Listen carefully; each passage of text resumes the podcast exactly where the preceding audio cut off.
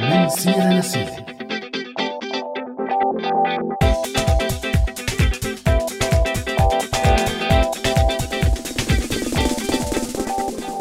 أوقاتكم سعيدة مستمعي راديو سوريالي بنرحب فيكم بحلقة جديدة من برنامج من سيرة لسيرة وحلقتنا اليوم عن اللغات. الحقيقة بحلقات ماضية من برنامج من سيرة لسيرة تناولنا موضوع الاندماج واللغات بس من زوايا مختلفة. ومنحب نتوجه بالشكر للمعدتين السابقتين للبرنامج ديما وأماني على الجهد الكبير يلي عملوه على طيلة مواسم من هذا البرنامج. على كل حال بهاي الحلقة رح نرجع نتطرق لهي المواضيع بس شوي بشكل مختلف. فرح نحكي مثلا عن كيف قدرت اللغات تغير فينا وشو ممكن هذا الشيء يأثر علينا كأفراد وكمجتمع ولنناقش هذا الموضوع وعلاقة اللغة الأدبية وتطور المجتمعات وعلاقتها مع اللغة. وعلاقة اللغة مع الشعر رح تكون ضيفتنا لليوم الكاتبة والشاعرة مديحة المرهش. وأكيد مستمعينا رح نحاول نجاوب عن كل هي الأسئلة وأكثر بحلقتنا لليوم فخليكم معنا على السمع أبجد هوس حطي كلام شكل الأستاذ بقى منسجم. أبجد هوس حطي كلام شكل الأستاذ بقى منسجم. أستاذ حمام نحن الزغالين نحن الزغالين من غير جناح بنميل ونطير. أستاذ حمام نحن الزغالين نحن الزغالين من غير جناح بنميل ونطير. والمكر فينا طبع جميل. قلنا لا لا يعني نعم أبجد هوس حطي كلام شكل الأستاذ بقى منسجم.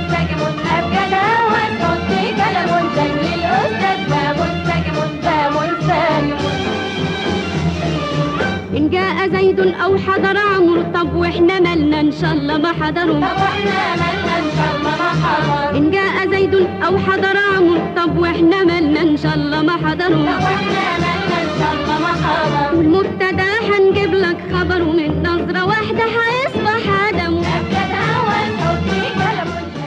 سؤال حلقتنا لهالأسبوع مستمعينا شو أغرب ترجمة؟ ترجم لكم إياها ال Google Translate ما تنسوا مستمعينا فيكم تتواصلوا معنا برسالة صوتية أو مكتوبة على الواتساب على الرقم 00962 779 851 210 أو على صفحاتنا على مواقع التواصل الاجتماعي فيسبوك وتويتر.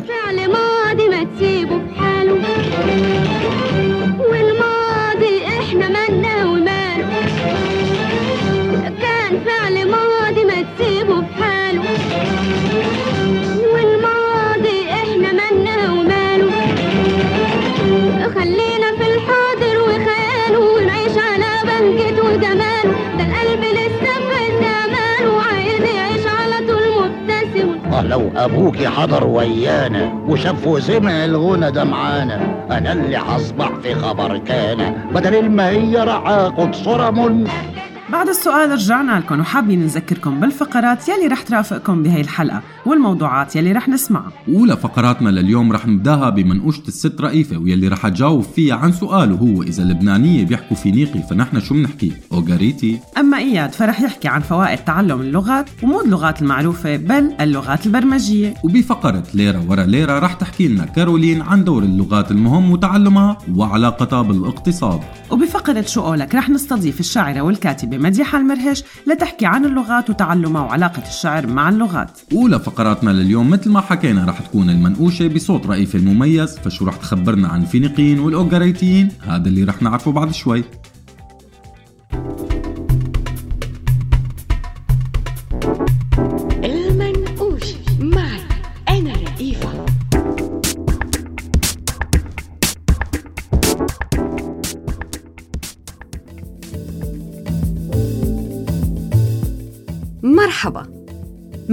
فترة طلع فيديو عم تحكي فيه امرأة لبنانية عن شيء اسمه اللغة الفينيقية.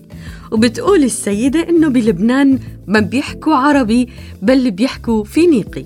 طبعا ردود الأفعال كانت كتير كتيرة حول الموضوع ومنددة وضاحكة. إنه شو عم تحكي فينيقي؟ طبعا موضوع الهوية اللبنانية والانتماء للمحيط هو قضية قديمة جديدة وربط هالشي مع التاريخ كان دائما حاضر. ولطالما طلعت على السطح والغريب إنه أحد أبرز المنادين بهالشي هو أحد أعلام اللغة العربية الفصحى الشاعر سعيد عقل يلي نادى بهالشي على كل حال أنا دقت فيي الهمة وقلت لحالي تعوا لنشوف إذا اللبنانيين بيحكوا فينيقي شو منحكي نحن السوريين؟ هل يا ترى منحكي عربي ولا شي تاني؟ وهل جوجل ما كذب لكم خبر؟ كم سؤال لبكتشف عدد من الأشخاص اللي حاملين الهمزاته ويلي عم يتقاطعوا مع السيدة اللبنانية. وشي بيقلك إنه نحن ما منحكي عربي منحكي سرياني. وشي بيقول نحن منحكي آرامي يلي هو أصل اللغة السريانية. وشي بيقلك تدمري والحبل عالجرار بس ما بنفي إنه الموضوع كان مسلي. وبالمنقوشة رح أذكر ببعض الكلمات اللي ضلت عايشة بيناتنا من اللغات القديمة. فمثلا من اللغة الآرامية في كلمة اتغندر غندرة وتبختر ويلي بتعني تمايل بمشيته. كلمة برا يلي هي بالفصحى الخارج ومنها كلمة براني يعني بتعني الخارجي ونفس الشي كلمة الجواني. دقر الباب مثلا كمان كلمة جاية من هنيك. شنو يلي بتعني إذا؟ أداة شرط وانشهرت كتير بالمسلسلات الشامية القديمة. طلعوا الشباب عم بيحكوا آرامي. كلمات مثل زفر زريعة وحوش أو حوج. الكلمات كتار كتير. في شي دخل باللغة العربية الفصحى اليوم وفي شي مستخدم على نطاقات كتير محلية وخاصة بالمدن الأقرب لهي الحضارات. وإذا انتقلنا من الآرامي والسرياني ورحنا على الساحل رح تطلع لنا اللغة الأوغاريتية. والحقيقة بين اللغتين العربية والأوغاريتية في كتير مفردات مشتركة. بتتجاوز حسب الباحثين ألف كلمة. بس هي المفردات عايشة بيناتنا لليوم وخاصة بالساحل السوري. فإذا سمعنا ابن اللاذقية عم بيقول ما فات دجن ببيتنا فهون بتعني في. أما شرح المفردات بيعني لا يوجد الدجن ببيتنا والدجن اسم إله القمح داجن وباللاذقية بيعني الخبز. بكتاب قواعد اللغة الأوغاريتية بيقول إلياس بيطار مدرس اللغات القديمة بجامعة دمشق إن البناء اللغوي للغة الأوغاريتية ربما يمثل الطفولة المفقودة للغة العربية التي لم تكشف حتى الآن. الأوغاريتية بتتطابق مع الجذور اللغوية يلي بتبين بعدد كبير من الألفاظ المشتركة بين اللغتين وحتى بالبناء اللغوي يلي أثبتت الدراسات بمقارنة لغات شرقية تانية إنه هو واحد بحسب الباحث. وفي ناس بتقول إنه عدد الأسماء المشتركة بين اللغتين بيوصل ل 1276 كلمة. ومن الأشياء المشتركة والصعبة هو التفريق بين الحاء والخاء بين اللغتين وأكيد السوريين يلي لجأوا لأوروبا بيعرفوا قد صعب التفريق بالحاء والخاء لما بيحاولوا يعلموا أهل أوروبا يحكوا عربي. والشي نفسه بينطبق على العين والغين والقرب والتشابه بين الجملة الفعلية واستخدام المثنى وجمع المذكر السالم وجمع المؤنث السالم وجمع التكسير. كلها نقاط بتتشابه بين العربي والأوغاريتي. من الكلمات الشهيرة يلي لسه موجودة بقاموسنا لليوم كلمة بعل بجملة أرض بعل واللي بتعني الأرض الجافة يلي ما بتنسقى غير من المطر. وكلمات مثل سفق أو صفق واللي بنستخدمها لما بيقول الواحد سفق سندويشة شاورما. أو كلمات مثل حشك واللي بتعني سب وشتم. وأكيد كتير من الناس ما بيعرفوا إنه جملة تضرب بهالكسم هي جملة أوغاريتية.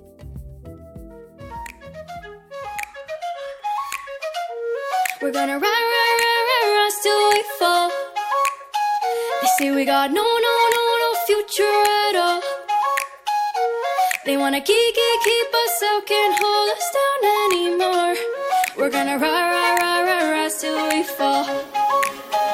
When we hit the bottom, nothing gonna stop us. Climb to the top with you. We could be the greatest ones who never made it. Yeah, I could be talking to you. They tryna hate,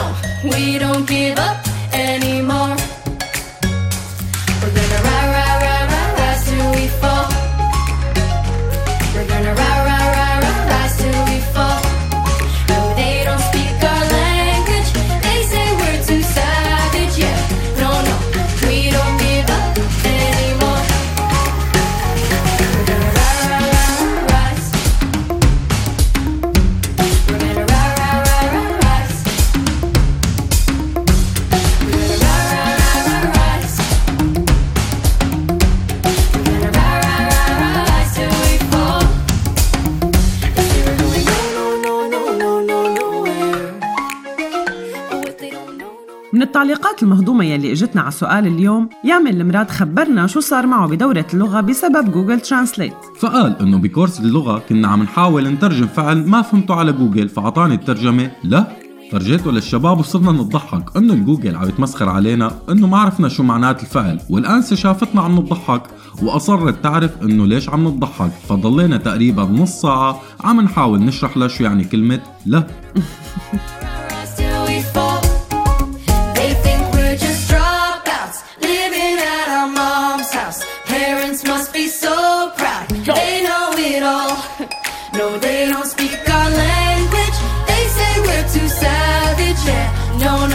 we don't give up anymore. We're gonna ride,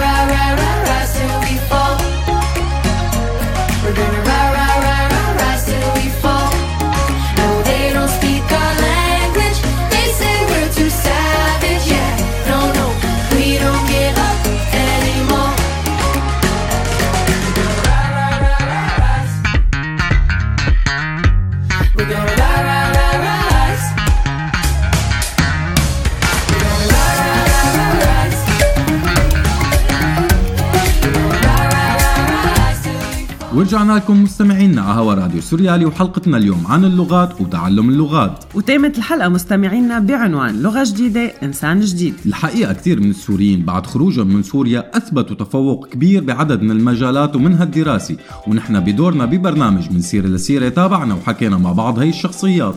والبعض بيرجع هذا الشيء لغريزة النجاة. والبعض الآخر بيقول إنه السبب بيرجع لخروج السوريين من الضغط والديكتاتورية لفضاءات أوسع. وفي بعض الناس عم يرجعوا هذا الموضوع لتحرك أجزاء من المخ مع تعلم لغات جديدة. فقلنا لحالنا خلونا نستقصي عن الموضوع ونشوف هل هذا الشيء ممكن. من موقع ساينس أليرت لقينا دراسة عاملينها باحثين بجامعة بنسلفانيا بأمريكا. وبهي الدراسة قرر فريق من الجامعة مراقبة نشاط دماغ الناطقين باللغة الإنجليزية خلال تعلمهم اللغة الصينية وخاصة اللغة المندرينية. فجمعوا 39 متطوع من مختلف الأعمار وفحصوا أدمغتهم لمدة ست أسابيع. انقسمت مجموعة المتطوعين لقسمين.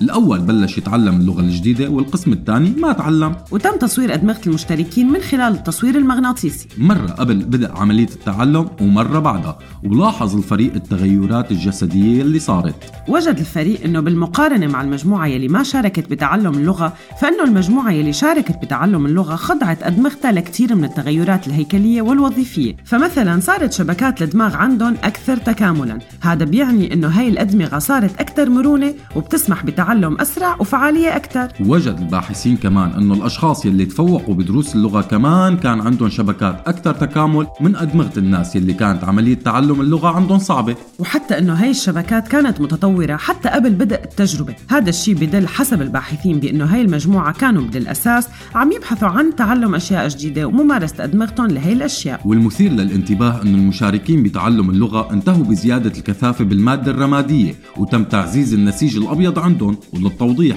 المادة الرمادية هي نوع من الأنسجة العصبية اللي بتشمل مناطق مختلفة بالدماغ ومرتبطة بالتحكم العضلي وتشكيل الذاكرة وحتى العواطف والإدراك الحسي مثل الرؤية والسمع ومهمة المادة البيضاء هي ربط مناطق المادة الرمادية ببعضها بالمخ وكأنه خط قطار للعقل. وللتأكد دورنا عن أمثلة تانية لنتأكد من هاي المعلومات ولقينا نتائج متطابقة بأكثر من دورية علمية بأمريكا وأوروبا والصين. بس ما رح نفوت كتير بالتفاصيل لأنه الموضوع بتعقيداته العلمية رح يخلي الحلقة تطول كتير. بس الجارديان البريطانية نشرت دراسة من السويد بتشبه الدراسة يلي حكينا عنها سابقا وهي الدراسة جديدة كانت بسنة 2014 وأكدت أنه كسب لغة جديدة يمكن أن يزيد حجم الدماغ عند الإنسان وهي الدراسة تطرقت لجوانب تانية عن صعوبات تعلم بعض اللغات عند بعض الشعوب وقديش ممكن هذا التعلم يزيد من كفاءة الدماغ من الفوائد والتغييرات يلي طلعت بدراسات بهذا المجال على الإنسان يلي بيتعلم لغة جديدة. مثلا سهولة اتخاذ قرارات كانت صعبة من قبل. عجيب هالموضوع يا عزة عن جد عجيب. من الشغلات كمان يلي انذكرت عن دراسة بجامعة شيكاغو بموقع لايف هاك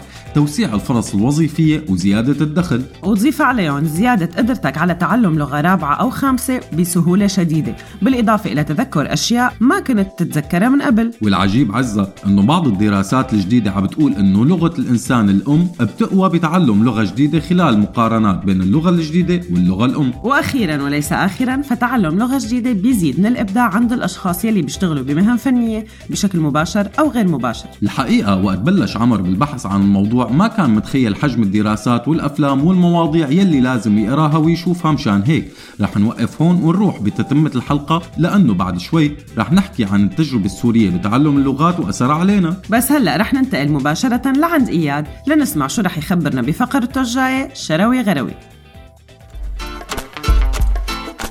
شروي غروي معي أنا إياد كلاس.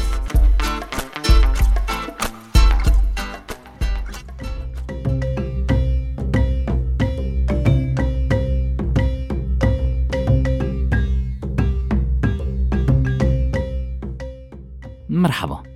دائما في حديث بين الناس عن رغبتهم بتعلم لغة جديدة لكتير أسباب لدرجة أنه اليوم ومع التطور الكبير يلي عم تشهده الصين في كتير من الناس عم تحكي عن تعليم أولادها اللغة الصينية كبديل أو مرافق للغة الإنجليزية. أما بالنسبة للسوريين وبالمنافي وبلدان اللجوء فعدد لا بأس فيه من العائلات صاروا أولادهم بيحكوا لغة أو لغتين بالإضافة للعربي. وفي نقاش موجود على الساحة كمان عن تعلم لغات إضافية. دخل هذا النقاش بجدلية أي لغة رح تخدم الأطفال أكثر لما يكبروا. فمثلا إذا كانوا الأهالي مقيمين بفرنسا بيطرحوا على حالهم سؤال هل من الأفيد إنه يعلموا أطفالهم بس فرنسي بالإضافة للعربي ولا إنجليزي كمان؟ لأنه اللغة الأكثر استخداما عالميا أو يمكن ألماني كونهم في جالية كبيرة من الأقارب اللي موجودين بألمانيا أو حتى أنه يعلموا أولادهم إسباني لقرب هاللغة من اللغة الفرنسية وتحدث قارة شبه كاملة فيها وهي قارة أمريكا الجنوبية. وبالطرف الثاني ولبعض الأهالي الحالمين بيفكروا باللغة الصينية مثل ما أسلفنا والفرص المهنية اللي ممكن تتاح للولد بتعلم عربي ولغة بلد الإقامة بالإضافة للصينية. على كل حال مش أنا يلي رح يلاقي حل لمعضلة أهالي بل يمكن بالعكس رح أضيف معضلة جديدة لهم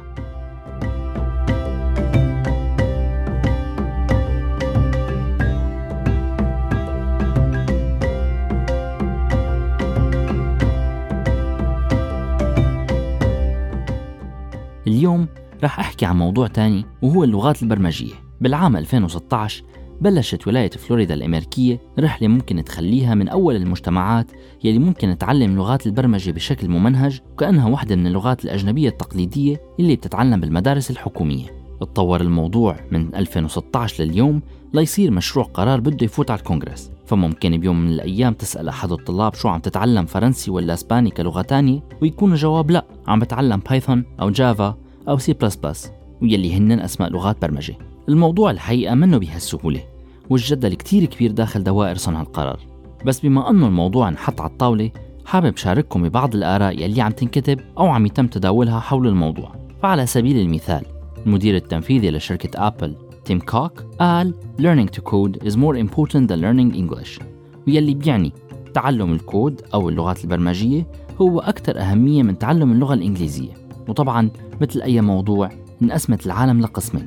فباستطلاع عملته شركة Ocado Technology بالمملكة المتحدة شافت أن اللغة البرمجية Python تفوقت على اللغة الفرنسية باعتبارها أكثر اللغات يلي عم يتم تعليمها بالمدارس الابتدائية. وشاف الاستطلاع أنه ستة من أصل عشر آباء بفضلوا أنه يتعلموا أولادهم وبناتهم اللغات البرمجية أكثر من أنه يتعلموا أي لغة أجنبية محكية. بالطرف الثاني انحكى بعدد من المقالات المنشورة عن تجربة ولاية فلوريدا يلي بلشت تتغير وتضيف اللغات البرمجية كبديل للغات المحكية إنه في بعض من الأهالي منهم سعيدين بهذا الشيء. فمثلا على موقع NPR بيحكوا إنه كان في حالة اعتراض على هذا الوضع.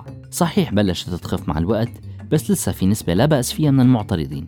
وليزيد الشعر بيت كثير من الجمعيات والمؤسسات العرقية الموجودة بأمريكا بولاية فلوريدا بالتحديد وقفت ضد هذا المشروع.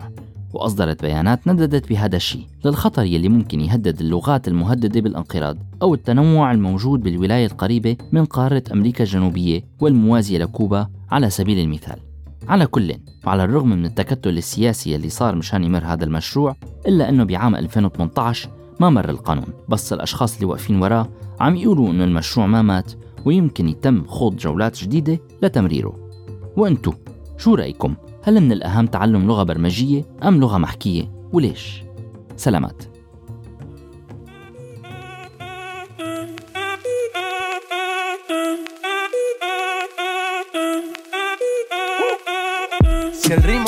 Lleva a mover la cabeza, ya empezamos como es. Mi música no discrimina a nadie, así que vamos a romper. Toda mi gente se mueve.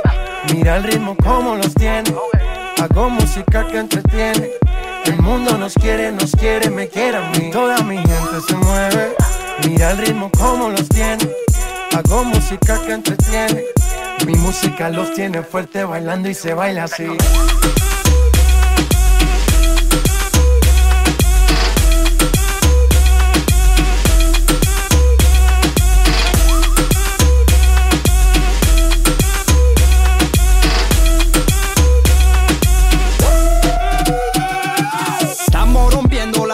Discoteca, la fiesta no para apenas comienza. C'est comme si, c'est comme ça, ma chérie. La la la la la. Francia, Colombia, me gusta. Freeze. J Balvin, Willy William, me gusta. Freeze. Los DJ no mienten, le gusta mi gente y eso se fue muy bien. No le bajamos, mas nunca paramos, es otro palo y ¿Y blanco. dónde está mi gente? Me fue tête. الحقيقة بهاي الحلقة إجانا تعليقات كتير مهضومة وأغلب يلي شاركوا معنا بعتوا لنا screenshots حسين عبد الله بعت أكثر من screenshot لقينا أهضم واحد ويلي هو ترجمة جملة إذا كان البحر سماكية كم كبة بيحتاج. والترجمة هي If the sea was سماكية how much a dome needs. أنس الباشا بعت صورة كمان لترجمة جملة عم تحكي عن جد والترجمة كانت An uncle talks about a grandfather. هاي كتير مهضومة عجل Sí. Que seguimos rompiendo aquí. Esta fiesta no tiene fin. Botellas para arriba, sí. Los tengo bailando, rompiendo y yo sigo aquí. Que seguimos rompiendo aquí.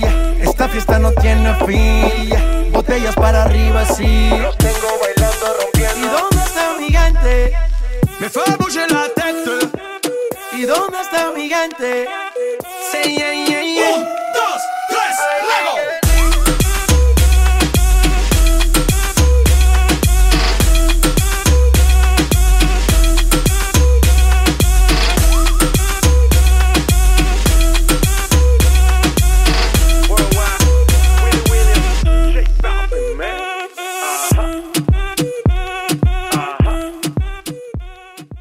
رجعنا لكم مستمعينا أنتم عم تسمعوا برنامج من سيرة لسيرة على هوا راديو سوريالي وبحلقتنا لليوم يلي عم نحكي فيها عن أهمية تعلم لغات جديدة وأثرها على حياتنا. تذكر بعض المراجع أنه الإمبراطور الروماني تشارلمان قال إن إجادة لغة أخرى بمثابة امتلاك روح ثانية. وبالجزء الأول من البرنامج مستمعينا استعرضنا كيف بيأثر تعلم اللغات على المخ والتصرفات وشفنا حسب دراسات كيف هذا الشيء ممكن يغير حياة إنسان. بس يا ترى شو أثر هالشي على التجربة السورية؟ ولنجاوب على هذا السؤال عمل زميلنا عمر شوية أبحاث عن الموضوع وتواصل مع بعض الأصدقاء السورياليين ليخبرونا عن تجربتهم بالموضوع. فمثلا إيزيس يلي عايشة حاليا بهولندا حكت عن علاقتها مع اللغة وشو يلي أضافت إلها وأكدت نتائج الدراسات يلي حكينا عنها بالجزء الأول من البرنامج وقالت وقت بلشت بمدرسة اللغة. كان عندي شعور شوي غريب بما أنه صار لي زمان ما التزمت بجدول دراسي بس هالشي ساعدني بتنظيم حياتي. ثلاث أيام بالأسبوع بالمدرسة كانت كافية لحتى تنظم لي وقتي باقي الأسبوع. أما الصديق أغياد 26 سنة والمقيم بألمانيا من أربع سنين حكى عن التفاؤل وقال إنه هو ما بيشوف اللغة الألمانية اللي تعلمها هي مجرد لغة وبس وإنما بيعتبرها بضاعة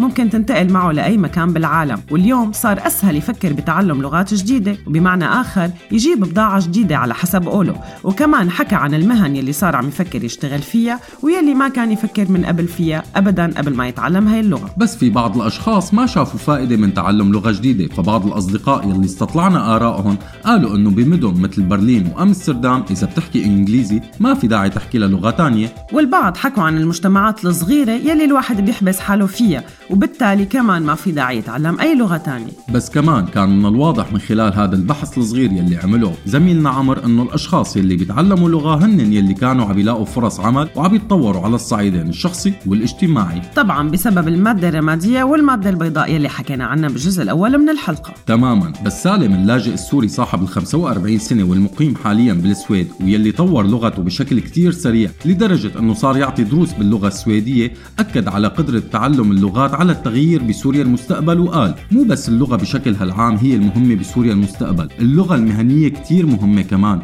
أو اللغة تبع الحياة أو خلينا نكون أدق لغة الشارع. معظم اللغات اللي كانوا السوريين حابين يتعلموها كانت لغات جامدة ما بتشبه اللغة المحكية بالشارع سواء تعلمها الإنسان بمعهد سيرفانتس أو جوته أو بالمركز الثقافي الفرنسي. وأضاف سالم أنه اللغة بالبلد الأم هي شيء مختلف. وإنك تشتغل وتعيش هاي اللغة شيء مختلف تماما. مشان هيك علاقتنا مع هاي الدول كيف ما كانت بالمستقبل رح تكون أحسن. لأنه ما رح نعرف نتعامل معهم بلغة متحفية. لا رح نحكي عن جد لغتهم لغتهم. على كل حال في أسئلة وموضوعات ما قدرنا نجاوب عليها أو نحكي عنها بمتن الحلقة. بس جاوبوا عنها إياد ورئيفة بفقراتهم. أما الأسئلة المتبقية اللي طلعت معنا فرح تجاوب عنا الشاعرة مديحة مرهش بشو قولك بعد شوي. بس هلأ صار وقت كارولين بفقرة ليرة ورا ليرة فخليكم معنا. ليرة ورا ليرة. معي أنا كارولين.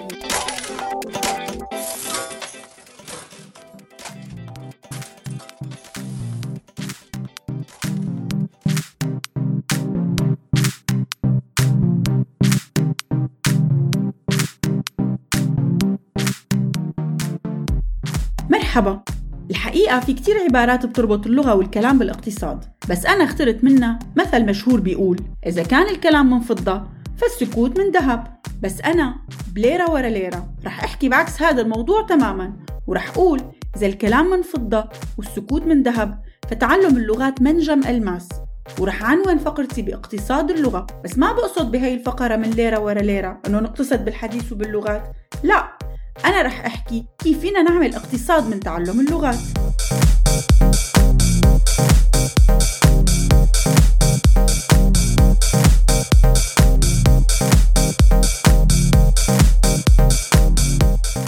فوفقا لمقال منشور بالبي بي سي بسنة 2016 بجميع أنحاء العالم ما بين 60 و 75% بيحكوا أكثر من لغتين على الأقل والعديد من البلاد فيها أكثر من لغة وطنية رسمية وحدة مثل جنوب أفريقيا والهند. وبحسب المقال اللي كتبته جايا فينس بتقول إنه نسبة الناس يلي قادرة تتعلم لغة تانية رح تتزايد بشكل كبير بالسنين الجاية بحيث إنه نسبة كبيرة من سكان الكرة الأرضية المتعلمين رح يكتبوا ويقروا لغة واحدة إضافية على الأقل من اللغات يلي بتسميها كاتبة المقال باللغات المتفوقة مثل الإنجليزي أو الصيني أو الهندي أو الإسباني أو العربي. من جهة تانية بتحكي عدد من الدراسات بهذا المجال إنه البلدان يلي فيها أكثر من لغة في نسبة بتتجاوز 50% من السكان بيقدروا يحكوا أو يتعاملوا بعدد كبير من اللغات الثانية الرسمية الموجودة بهذا البلد قراءة وكتابة ما بخفيكم مستمعينا.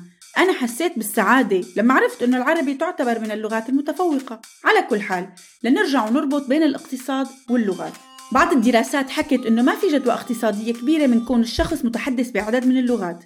فحسب Finance and Career بيقول الباحث البرت سايز الخبير الاقتصادي معهد ماساتشوستس للتكنولوجيا إنه بما معناه إنه تعلم عدد من اللغات ممكن يزيد من الدخل الاقتصادي مجرد خرافة. وبحسب دراسته ما في غير 2% بيرجع على الاستثمار من تعلم لغة أجنبية. وبكمل سايز ببحثه بيقول رح توفر اللغات المختلفة عوائد مختلفة. فتعلم اللغة الإسبانية ممكن يعمل عائد إضافي بيوصل ل 1.4% على مدخول الفرد.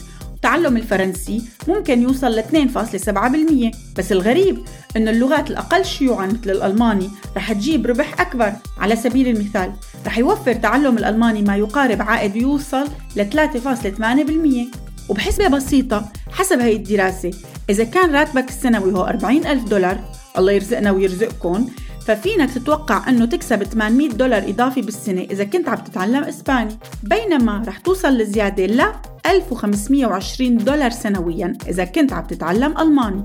الحقيقة في دراسة تانية على موقع ماني بتأكد هذا الحكي. بتقول إنه إذا كنت راغب بزيادة دخلك فعليك بتعلم اللغة الألمانية يا حبيب. وهذا الشيء ببحث صغير على النت رح تلاقي صحته. هاي الدراسة كانت من الدراسات القليلة يلي بتقول إنه تعلم لغة تانية ما بيؤدي لمرابح كبيرة. بوش عدد كبير من الدراسات يلي بتأكد العلاقة القوية بين تعلم اللغات وقوة الاقتصاد. من هالدراسات في مقال منشور بالجارديان بسنة 2014 لكاتبته لوسي جوليان بتقول إنه الاقتصاد البريطاني عم بيخسر مبالغ هائلة من نقص المتحدثين بلغات أخرى. هذا الرقم بيوصل لملايين لا بل أكثر من الجنيهات الاسترلينية. بنفس الوقت بيحكي خبراء باللغة والاقتصاد من الهند بدراسات تانية عن الآفاق يلي ممكن تنفتح للهند. في حال تعلموا لغة تانية غير اللغة الإنجليزية ويلي ممكن ترجع بعدد كبير من الوظائف الأوت سورسينج أو الاستعانة بمصادر خارجية ويلي بتوفرها الهند بشكل كبير. اليوم بهذا المجال من الدراسات الاقتصادية المرتبطة باللغات في معسكرين. معسكر صغير بيقول إنه الأثر الاقتصادي ما بيستاهل الشغل فيه والمعسكر الثاني بيقول الأثر الاقتصادي على الفرد والمجتمع كتير كبير. والرابح بين هدول المعسكرين هو يلي بيدعي الناس لتعلم اللغات لتنفتح آفاق اقتصادية والسبب هو الأثر الاقتصادي المباشر لتعلم لغة جديدة بس الأهم هو الأثر الاقتصادي الغير مباشر من تعلم هاي اللغة ويلي بتمتثل بفتح أسواق جديدة كبيرة وما بتخلص. اليوم السوريين عم يحكوا أكثر من عشر لغات على الأقل وهذا الشيء بخلينا نفكر ببكرة بحرية. عزيزي المستمع هذا الحكي بيعني شغلة واحدة فقط لا غير. إذا أنت بتحكي لغة واحدة وللأسف هي حالة النسبة الأعظم من المتحدثين باللغة الإنجليزية فبحب خبرك أنه مع الزمن رح تكون من الأقلية. طبعا حديثي موجه للناطقين باللغة العربية وبالتالي مشان هيك حرك لي حالك. من فترة حكى الدحيح عن ربط اللغات وطبيعة اللغات مع أفعالنا اليومية وقال إنه غياب التسويف أو سوف أو سأقوم بفعل كذا بالعامي رح أعمل هيك بكرة. بيأثر على فاعلية المجتمع وتطوره. مشان هيك عزيزي الراغب بتعلم لغة جديدة وعم بتأجل لبكرة ولبعد بكرة بلاه التأجيل والتسويف لبكرة. حرك لي حالك وافتح واحد من عشرات المواقع لتعليم اللغات أو نزل لك شي application من آلاف آلاف الابلكيشنات وتعلم لغة جديدة لأنه إذا ما تعلمت أنت الخسران. Au revoir bye bye. سلام. تشاو. خلصوا اللغات يلي بعرفها. باي. سوريالي سوريالك سوريا إلنا كلنا. سوريالي سوريالك أنت اللي قادر تغير أنت ابن البلد. وجوه سورية معي أنا عزة.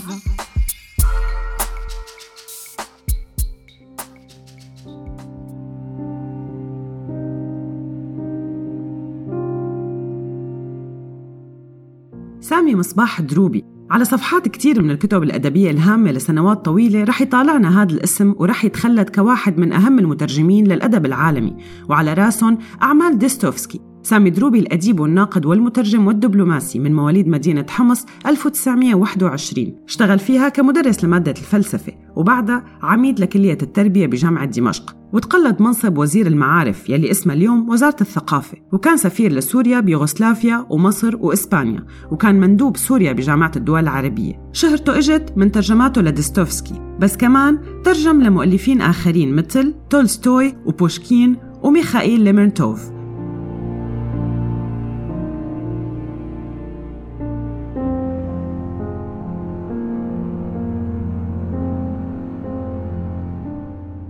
سامي دروبي كان مشهور إنه ما كان يتقاضى مبالغ كبيرة على الترجمات يلي اشتغل عليها وما كان همه مادي ابدا بل كان همه نشر هي الأعمال العظيمة. الغريب بالموضوع إنه ترجماته لكتب دوستوفسكي كانت من اللغة الفرنسية ولليوم ما حدا قدر ينقل هي الكتب من الروسية مباشرة.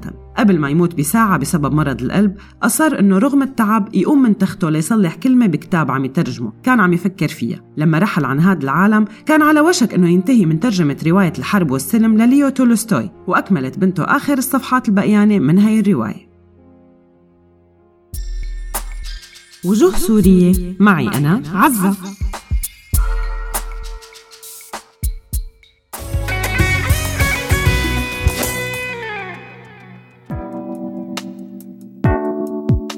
شو قولك؟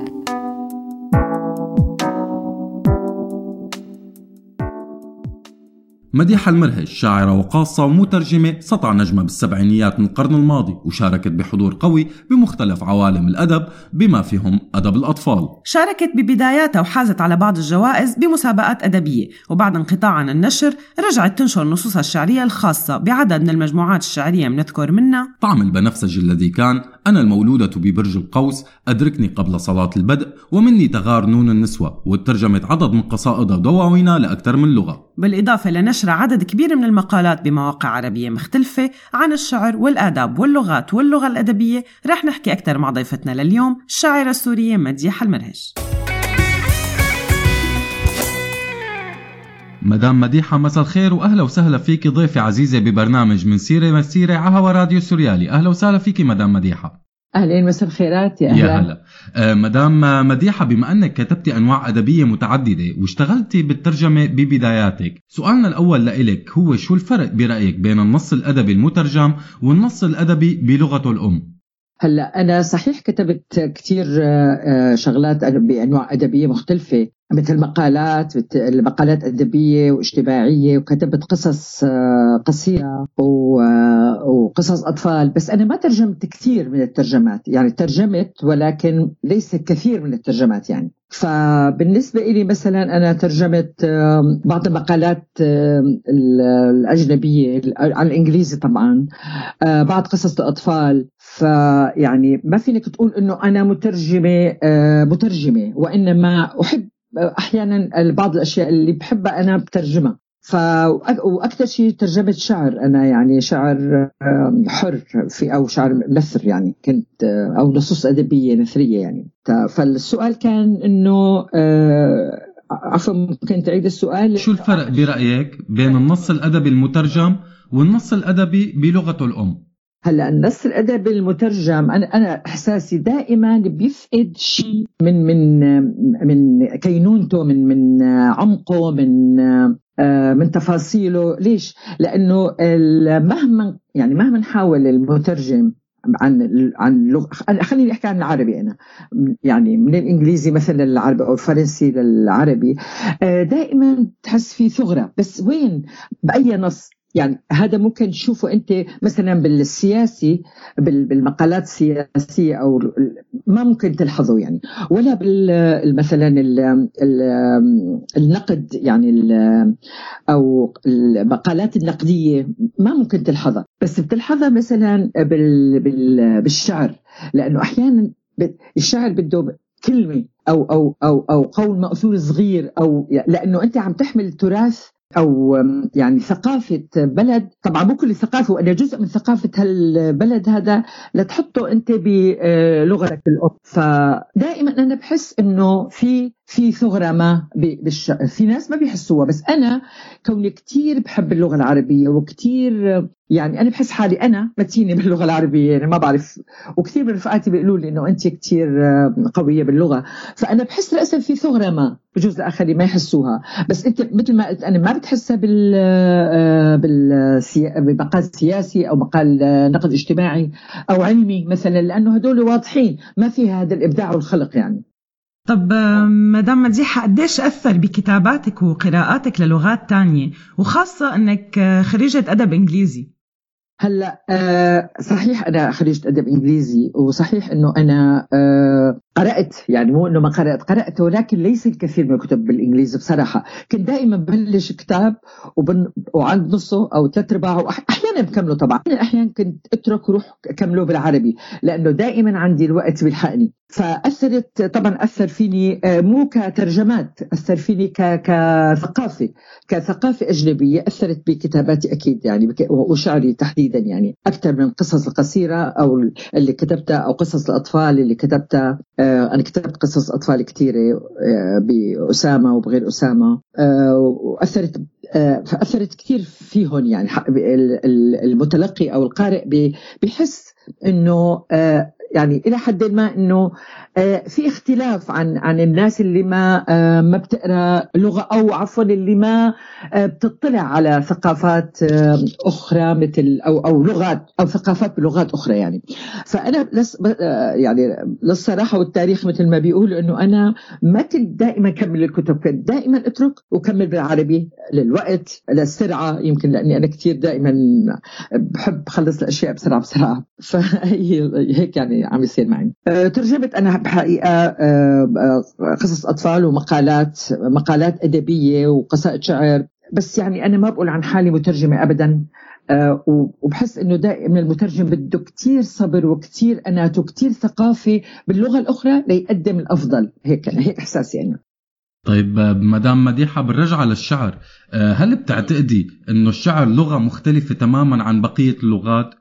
أو أو يمكن إنه يكون الشعر لغة عالمية؟ وإذا إيه ممكن يكون الشعر لغة عالمية؟ هل يا ترى الترجمة ممكن تقتل عفوا من عالمية الشعر؟ هلا شوف أحكي لك اذا إذا حكينا عن اللغة بشكل عام اللغة. اللغة في في لغة غير محكية وفي لغة محكية. هلأ اللغة ال- ال- الغير محكية هي لغة الجسد والرسم. أنا كثير بحس إنه هدول بوصلوا فورا وما بيسيئوا لا لا لثقافة ال- ال- اللي أنت عم تقدمه لهم يعني للآخرين اللي أنت عم تعرض عندهم. خلينا نقول عم تترجم جسدك أو لوحاتك عندهم. هذا واضح. بالنسبة للشعر مهما يعني مهما قام ال- ال- الشاعر بجهد عميق ومهما كان في دائما بجودة المعنى وفي شيء بينقص. يعني دائما أنا بحس إنه بقرأ القصيدة بقول في شيء في شيء في شيء ناقص. بقوم أحيانا بصيغة أنا بقول آه هذا الشاعر بده يقول هيك. بصيغة أنا لحالي. بصيغة بشكل تاني تماما مشان مشان أحس أو أتلقى شو بده يقول الشاعر. كشاعر أكثر من روايات مترجمة أو شيء. هلأ عم بتقلي إنه ممكن يسيء. هل هو ما بيسيء؟ ما بيسيء وإنما ينقص من جودة المعنى من جودة النص الترجمة. يعني إذا ترجمنا نحن من الإنجليزي للعربي بتحس إنه مو هذا الشيء تماما اللي بده إياه الشاعر أو الكاتب خلينا نقول ما بعرف يعني اللي عم نترجم عنه. وخاصة بالشعر بالشعر كتير بيوضح. يعني كتير بيوضح لل- للقارئ المتمكن طبعا. القارئ المتمكن وإذا كان شاعر طبعا أكيد بيلحظ إنه في في ثغرة ما يعني في في شيء مو صح يعني هذا هذا طبعا رأيي. بالنسبة إنه عم بتقول إنه هو لغة أعم أو أشمل اي أنا أنا بقول طبعا أكيد في ال ال آه، كونك بتدخل على عوالم عوالم آه، ثقافات أخرى وحضارات أخرى. طبعا يعني ال- ال- الترجمات الترجمات الثقافات الأخرى. آه، بتعطيك آه، رؤية أشمل بتفتح عقلك المدارك مداركك الأدبية. يعني حتى أنت إذا كنت إنسان وسط أو عادي بكتاباتك لما أنت بتقرأ وبتفوت على هذا على هذا العالم أكيد بتتوسع مداركك بشكل تمام. يعني بش- بشكل كامل أو أفضل أفضل أفضل خلينا نقول أفضل مو كامل بشكل أفضل. آه بعدين بحفزك. يعني بتصير أنت بدك تصير خلاق. يعني أنت ما عم تقبل بأنه يعني بهدول ال- المواضيع البسيطة الخفيفة اللي أنت بتكتب فيها. بتصير بدك تخلق دائما مواضيع مختلفة لأنك أنت بتفوت بتشوف هداك هل هل هل الشاعر ال- ال- ال- اللي جاي من من من ثقافة أخرى عم يكتب بمواضيع كتير بتحفزك بت بتشجعك بتخليك جريء. فمثلا كثير أنا شفت بالعشر سنين الأخيرة أو بالعشر سنين خلينا نقول أو 15 سنة الأخيرة أنا كثير شفت نساء اللي كانوا ما يقدروا يقولوا كلمة آه، مو بذيئة وإنما كلمة جريئة آه، أو آه، تخدش الحياء ال- الشعري أو مثلا كثير من الشاعرات العربيات اللي معروفات جدا بلشوا يستخدموا ال- ال- التعابير الجنسية البسيطة. طبعا مو يعني مو إنه بشكل فاضح وإنما موحي بشكل جميل. فأنا بشوف إنه بحفز الترجمات بتحفز ولو إنها ثغرات الثغرات هي ما بتقتل الشعر ما بتقتل وإنما بتقلل من أهمية النص ك النص الأدبي يعني بتقلل من قيمته. هلا بنروح شوي على الشخصي مدام مديحة. آه، انت عم انت عايشة هلا بفرنسا. آه، قالت لنا العصفورة إنه رغم عدم توفر دورات آه، مختصة إلا إنه بجهدك الخاص عم تقدري تعملي تطور كتير كبير بهذا المجال. آه، احكي لنا كيف اللغة الفرنسية معك؟ ضحكتوني والله. يعني يعني آه بدي أحكي الشغله أنا لما جيت على فرنسا صار لي تقريبا سنتين هون آه أنا عندي عندي باز. يعني عندي آه باز عندي قاعدة. يعني عندي أسس. باللغة كوني خريجة أدب إنجليزي. فكانوا يعطونا حصة آه كل أسبوع آه خلال آه أو عبر أربع سنين من من من تدريس اللغة يعني أو من دراستنا للغة. وكان في عندنا شيء اسمه لاتن يعني أخذنا سنة أو سنتين لاتن لاتيني. فهذا له علاقه باللغة هلأ أنا من محبي اللغات حكما بحب كثير كثير اللغات. لما أجيت لهون أنا قلت على فرنسا قلت أنا أكيد خلال ست أشهر حكون أوه يعني آه، آه، يمكن بألف كتب. بس لما انت بتحتك بالشارع لما بتحتكوا بالشارع وبت وبتفوت مشاغل الحياة وال آه، مشاغل الحياة ال- الكثيرة بت- بتلجم بتلجم الشخص لورا. هلا أنا بلشت أسترجع. وكمان كمان في شيء تاني إنه بالنسبة للغة غير إنه العصفورة بتحكي لكم. أنا مالي علاقة بس عم بحكي عن حالي. أنا بدون عصافير. آه، أنا أبي كان الله يرحمه كان كثير يعني كان ضليع باللغة الفرنسية. وكان من أنا صغيرة كنا أنا أقرأ إنجليزي هو يعني دائما اللي هي الكلمة اللي علاقه بهالكلمه شوفي هي الكلمة اللي علاقه بهالكلمه آه، وبيعطيني دائما معلومات آم، حلوة ومفيدة يعني حقيقة. فصار عندي كم كبير من الجرام من القواعد وك- وكم كثير من المفردات كبيرة. يعني يعني آلاف حقيقة آلاف الكلمات. فلما جيت هون أنا قلت أنا عندي كثير أنا أكيد خلال ست اشهر حاحكي لغة. فبلشت لما فتت على الشارع وكذا وهيك حسيت إنه لا لا لا بدها كثير فما في عندي حدا أحكي معه فرنسي. فبلشت جهدي إنه أسترجع كل شيء ومارس حالي هال هال- هالشيء اللي بعرفه. بس فجأة ومن من أشهر حسيت إنه أنا ما رح أقدر أنا يعني كان همي إنه مو بس أحكي بالشارع ولا فوت على صيدلية أخذ غرض ولا أشتري خضرة ولا خبز لا لا. أنا كان همي إنه ممكن أقرأ بالفرنسي أو أكتب بالفرنسي. شفت إنه أنا إذا بقعد قعدت سنتين ولسه أنا بقرأ وما بعرف شو يعني بعرف الم- المعنى العام أو المحتوى العام وما بعرف آه، الشغلات بالتفصيل قلت إذا أنا ما رح أكمل. ما رح أكمل جهود آه، آه، يعني جهود آه، إنه ثابر إضافية أو ثابر لا لا. فوقفت مو وقفت صرت ألقط. جملة من هون تعبير من هون قول ماثور من هون بعض الشغلات فقط وإنما كدراسة أنا بيني وبين حالي إنه حط آه، دفتر وقلم وورقة أو أفتح يوتيوبات مثل ما عم يعملوا كل العالم. مو بطلت وإنما قللت جدا لأنه حسيت ما رح أقرأ أنا كتاب فرنسي ابدا ابدا. ولا رح ألقي محاضرة بالفرنسي ابدا ابدا. وهذا كثير بيألمني كثير بيألمني بس آه، هذا الواقع يعني حقيقه هذا الواقع. طيب مدام مديحة نحن اليوم حلقتنا بعنوان لغة جديدة إنسان جديد آه، هل برأيك هذا الشيء حقيقي؟ آه هو حقيقي حقيقي لما أنت بتكون شاب صغير وعم ترقد لتتعلم لغة وتقدم هون وهون أكيد. آه بالنسبة لا لا لحدا كل ما بيكبر بالسن هو صح إنه أكيد لأنه أنت ليش بتصير إنسان جديد؟ لأنك بتفوت على ثقافات أخرى. فهو أكيد هذا الحكي صحيح ومزبوط.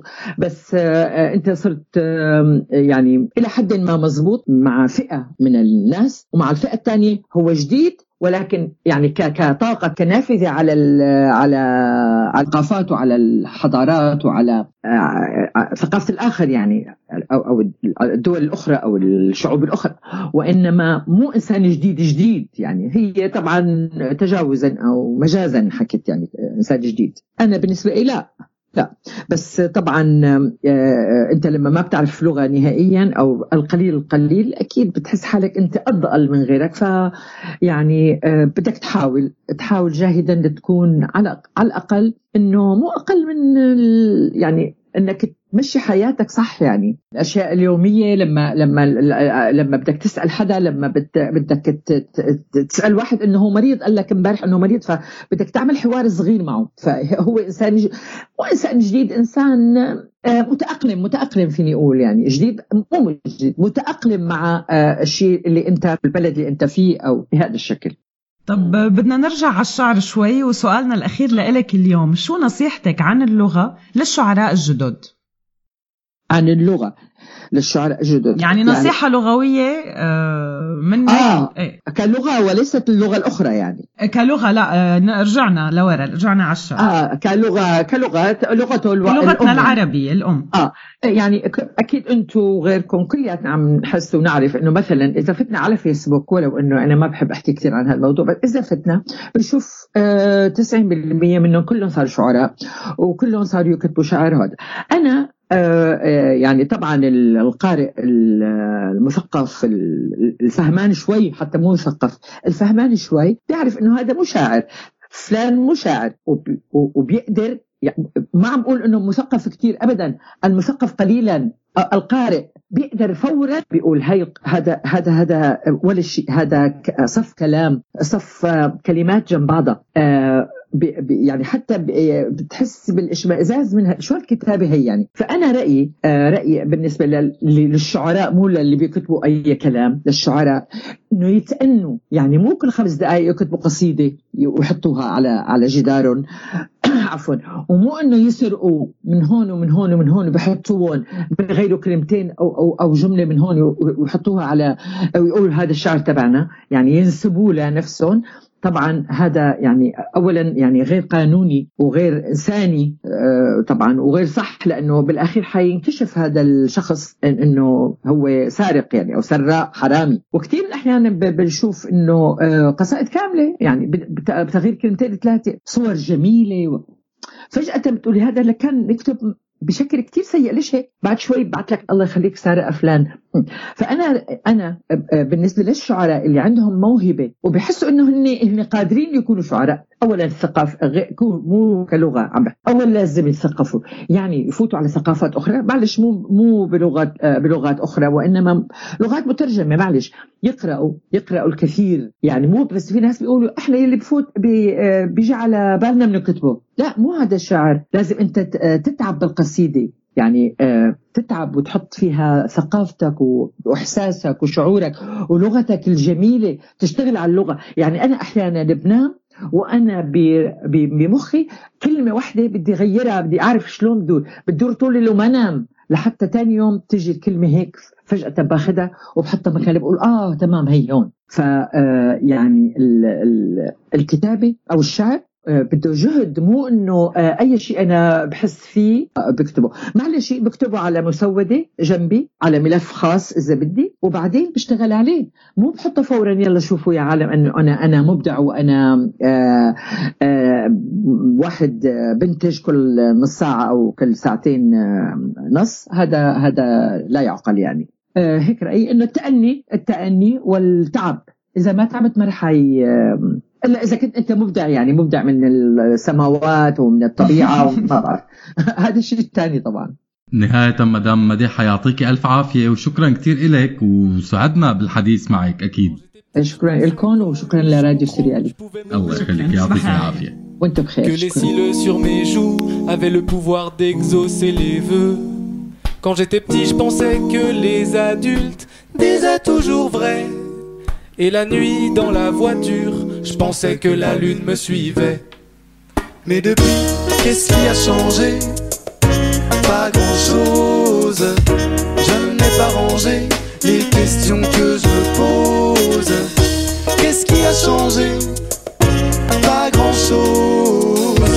Je n'ai pas rangé les questions que je me pose. On me disait tu comprendras plus tard.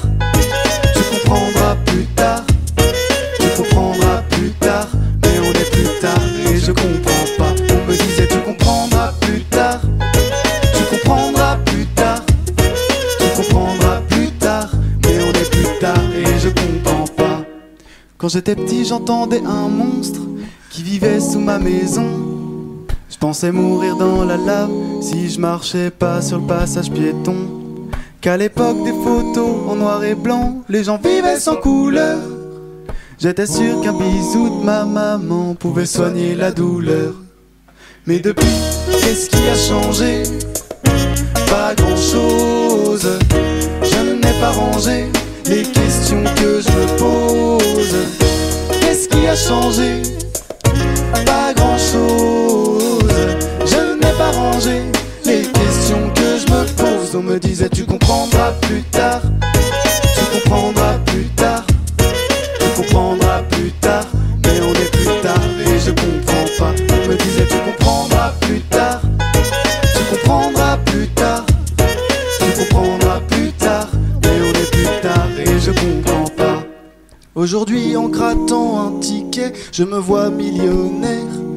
Je me dis tout ira mieux si je souris à ma banquière. Aujourd'hui je me dis que si j'attends, quelqu'un fera ma vaisselle.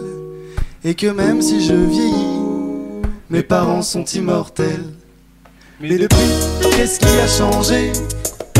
Pas grand-chose. Je n'ai pas rangé les questions que je me pose. Qu'est-ce qui a changé?